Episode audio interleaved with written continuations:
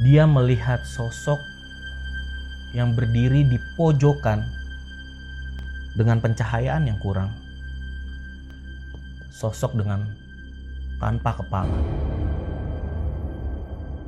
Sontak semakin kaget dan semakin takut Oka di sini.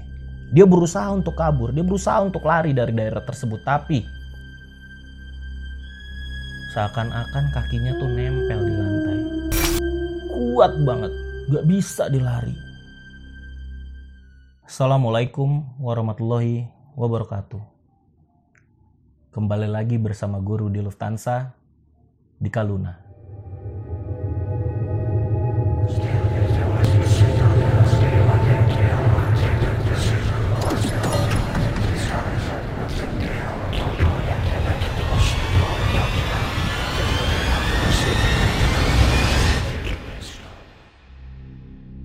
Cerita ini dimulai pada tahun 2019.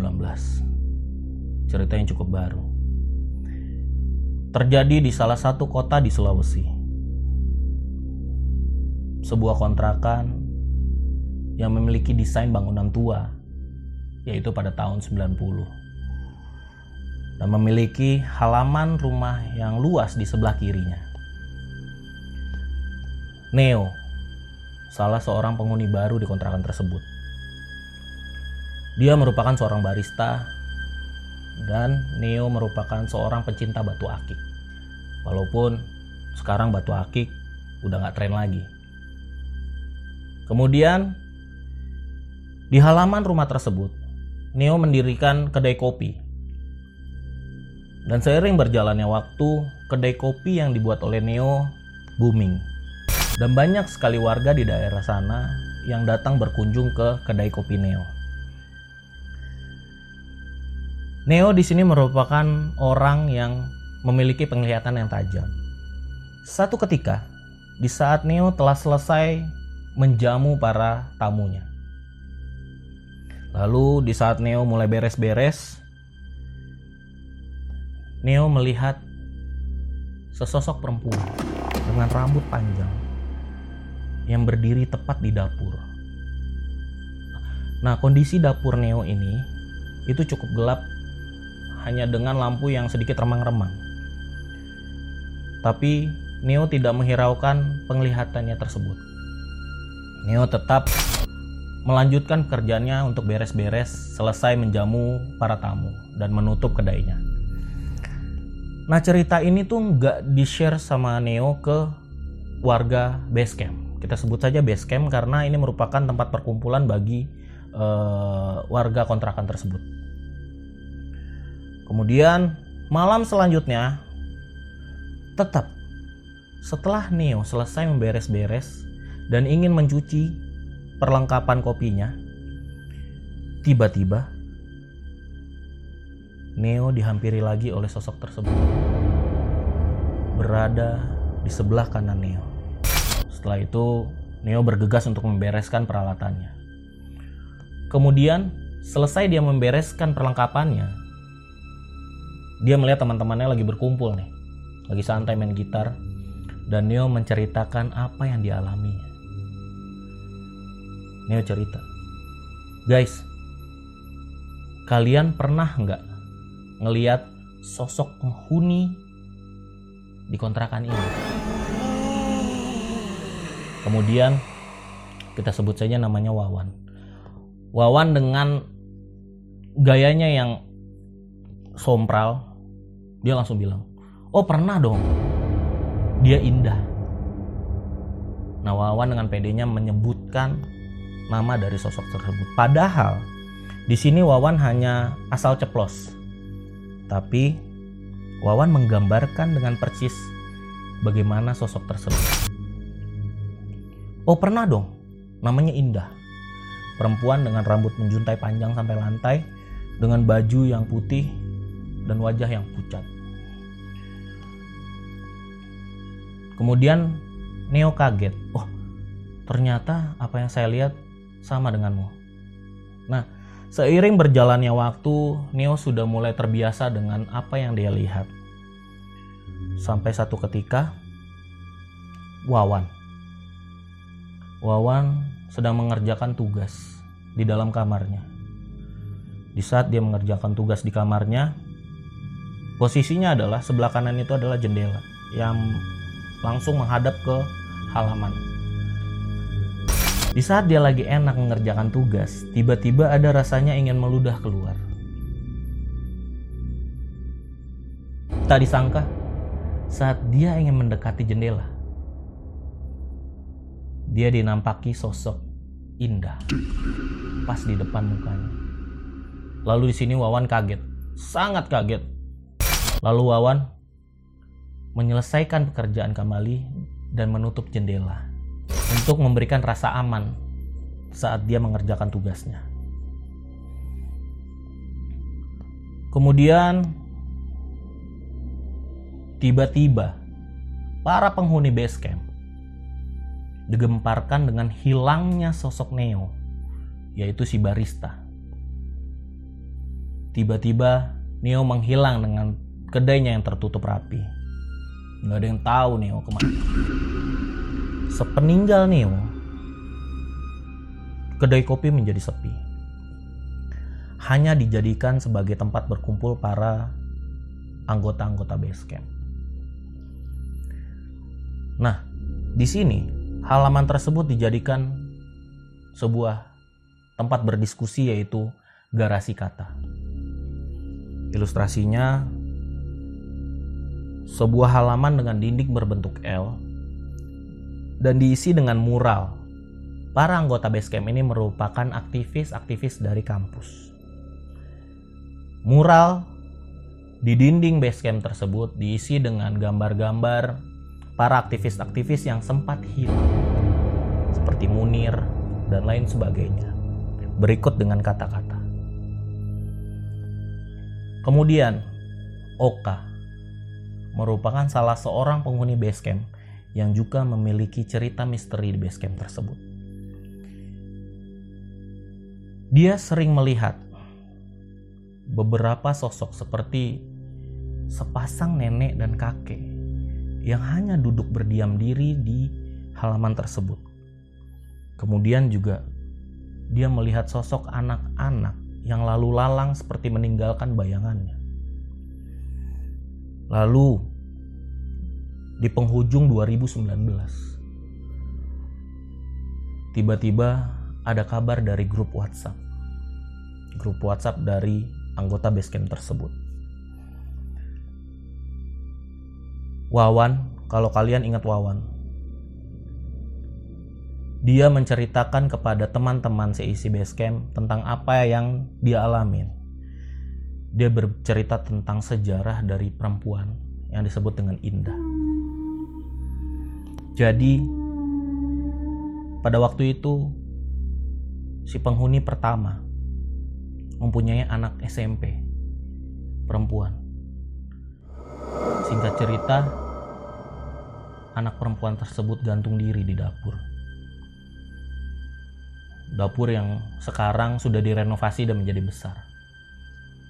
Setelah Wawan menceritakan pengalamannya, semua penghuni base camp pun ikut menceritakan pengalaman-pengalamannya mereka. Termasuk Oka. Oka menceritakan pada suatu hari dia saat duduk di garasi kata. Dia sering sekali mencium bau aroma wangi. Tapi tiba-tiba aroma itu berubah menjadi bau busuk yang dia nggak tahu asalnya dari mana. Lalu ditelusuri sama Oka, dicari di mana bau busuk tersebut. Dan kalian tahu, Oka menemukan beberapa tumpukan barang bekas di pojok dari rumah tersebut. Setelah dibongkar, apa yang didapati Oka? Oka menemukan sebuah lubang yang tertutup. Nah, lubang itu seperti sumur tua di saat dia mulai mencari tahu seperti apa sumur tua ini, tiba-tiba Oka menemukan sebuah helm. Nah, helm ini masih bagus, cuman agak berdebu. Jadi diangkat sama Oka. Bentuk belakang helm ini masih bagus, hanya tertutup debu. Dibersihin sama dia. Di saat dia membalikan helm tersebut, helm itu berubah menjadi sebuah kepala. Dengan mata yang melotot ke arahnya dan dengan lendir yang membasahi tangan Oka. Sontak helm itu dilempar oleh Oka. Kemudian di saat ketakutannya, dia melihat sosok yang berdiri di pojokan dengan pencahayaan yang kurang. Sosok dengan tanpa kepala. Sontak semakin kaget dan semakin takut Oka di sini. Dia berusaha untuk kabur, dia berusaha untuk lari dari daerah tersebut, tapi seakan-akan kakinya tuh nempel di lantai. Kuat banget, gak bisa dilari. Semakin dia berusaha untuk lari, semakin kuat kakinya menempel. Kemudian dia diam sejenak. Lalu setelah menurut dia dia tenang, dia mencoba kembali untuk kabur. Dan ternyata dia berhasil kabur. Dia lari masuk ke dalam base camp. Lari masuk ke dalam base camp lalu dia bersembunyi di ruang perpustakaan yang biasa dipakai oleh teman-temannya untuk membaca buku dan diskusi. Belum cukup sampai di sini. Saat Oka sudah mulai tenang dan beristirahat, kalian tahu, dia dikejutkan lagi dengan sosok Indah. Tiba-tiba, Indah terlihat pas di hadapannya menutupi pintu keluar. Saking takutnya Oka, dia mulai memejamkan matanya. Dan di saat dia mulai membuka, alangkah kagetnya Oka, sosok indah sudah ada di hadapan dia. Dan di sini Oka langsung pingsan. Dan di saat Oka setengah sadar, sayup-sayup terdengar suara rintihan kesakitan dari seorang wanita. Lalu perlahan rintihan tersebut hilang dan akhirnya Oka sadar. Setelah Oka selesai bercerita dan salah satu penghuni basecamp bercerita lagi tentang apa yang dia alami di basecamp tersebut. Kita sebut saja namanya Zul. Zul juga menceritakan tentang apa yang dia alami. Pada saat itu, Zul sedang telepon-teleponan dengan pacarnya di halaman tersebut. Dan saat dia telepon-teleponan, posisi dia tuh tiduran, menghadap ke atas. Saat dia telepon-teleponan dan sambil tiduran, dia melihat indahnya bayangan bulan. Di sini nih, di saat dia sedang menikmati bulan, tiba-tiba dia merasa lama kelamaan bulan itu tuh mulai lama mulai mendekat, mendekat, semakin mendekat. Saat dia membuka mata, dia kaget dengan terpental.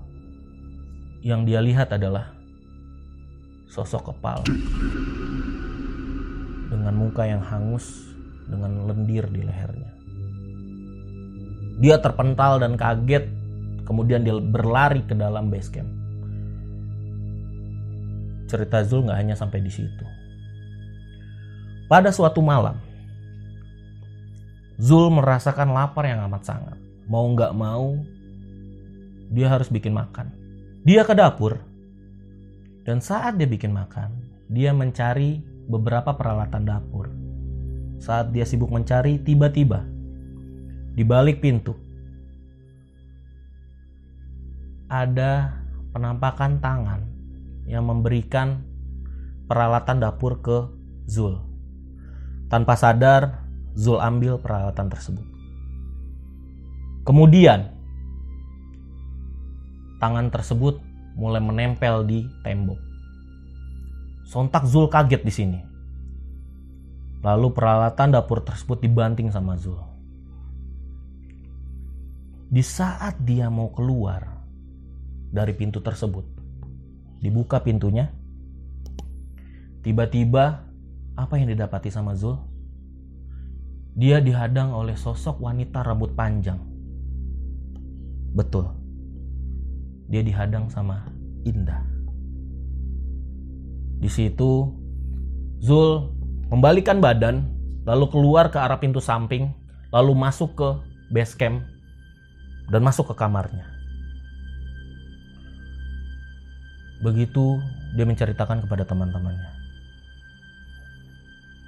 Ada satu lagi. Kita sebut namanya Renal. Dia merupakan orang yang jarang ada di base camp ini. Kenapa? Karena dia bekerja di salah satu pedalaman. Dia sempat mempelajari eh, apa namanya mantra-mantra untuk pengusir dan penyelamat diri. Pada suatu hari, Renal berniat jika dia menemui atau melihat sosok-sosok yang ada di base camp, dia akan mengucapkan mantra tersebut. Nah, satu ketika di saat Renal sedang santai di kamarnya, Renal mendengar suara tok tok tok. Nah, suara di sini adalah suara musik tradisional dari salah satu kota di Sulawesi yaitu Polo Palo. Alat musik tradisional dari bambu yang memiliki dua ujung berbentuk U dipakai dengan cara dipukul. Nah, dia ada pukulannya tuh. Nah, suara itu yang didengar oleh Renal. Renal tuh nggak mengindahkan suara tersebut tapi suara tersebut makin lama makin bunyi, makin nyaring terdengar. Di tengah-tengah dia mendengar suara musik tersebut. Dia mencium bau aroma yang wangi. Tapi lama-kelamaan aroma tersebut menjadi bau busuk kembali. Lalu dia mencoba membuka pintu dan sesampainya di dapur.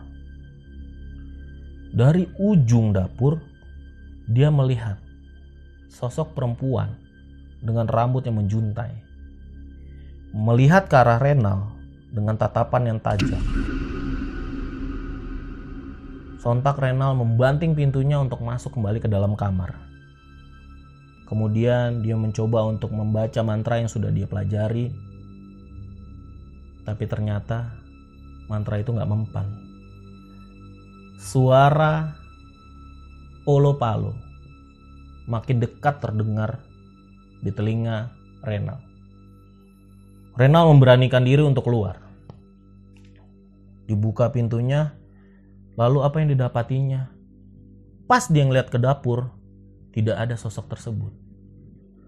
Lalu Renal keluar mencari di mana suara musik tersebut.